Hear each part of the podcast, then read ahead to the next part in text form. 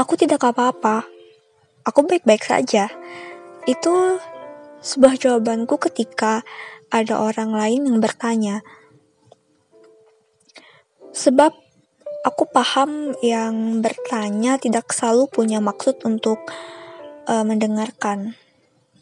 Aku tahu sebagian dari mereka hanya ber bertanya.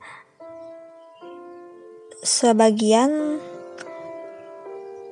hanya sebagai topik basa-basi tanpa memberi sebuah solusi. Aku tahu sebagian lain dari mereka bertanya hanya untuk mencari bahan gosip saja.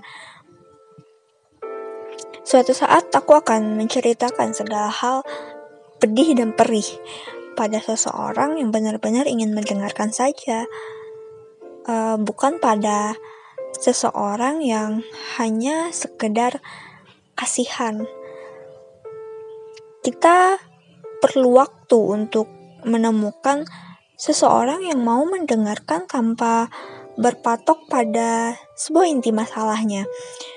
Karena uh, sebagian orang kadang lebih memerlukan pendengar yang baik daripada uh, seorang penasehat.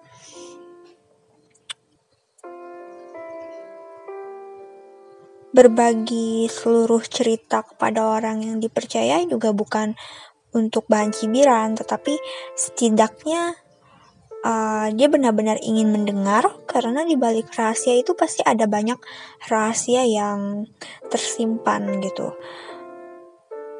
Um, kita juga punya berjuta-juta bahkan bermiliar-miliar memori yang cukup untuk kita simpan sendiri.